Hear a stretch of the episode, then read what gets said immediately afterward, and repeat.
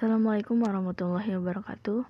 Saya Nur Amalia Yasmin dengan NIM 2006493, mahasiswa dari Universitas Pendidikan Indonesia jurusan Pendidikan Teknik Bangunan B. Tujuan saya membuat podcast ini uh, adalah untuk memenuhi tugas yang belum terpenuhi dari mata kuliah perkuliahan pendidikan kewarganegaraan.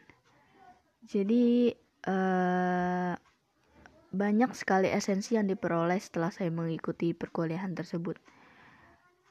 Uh, salah satunya yaitu menjadi mahasiswa profesional yang memiliki rasa kebangsaan, cinta tanah air, demokratis, berkeadaban, memiliki daya saing, berdisiplin, berpartisipasi aktif dalam membangun kehidupan yang damai, berdasarkan sistem nilai Pancasila ataupun Undang-Undang Dasar 1945. Uh, sudah saya katakan banyak sekali esensi yang diperoleh.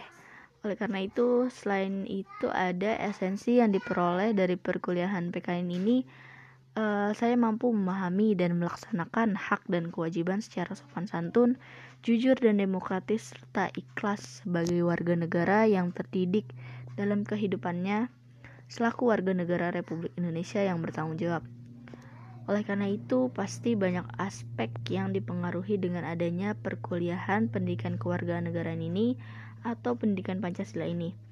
Dikarenakan kita tumbuh, hidup dan berkembang di negara yang mempunyai identitas dasar negara ataupun peraturan tertulis yang bijak.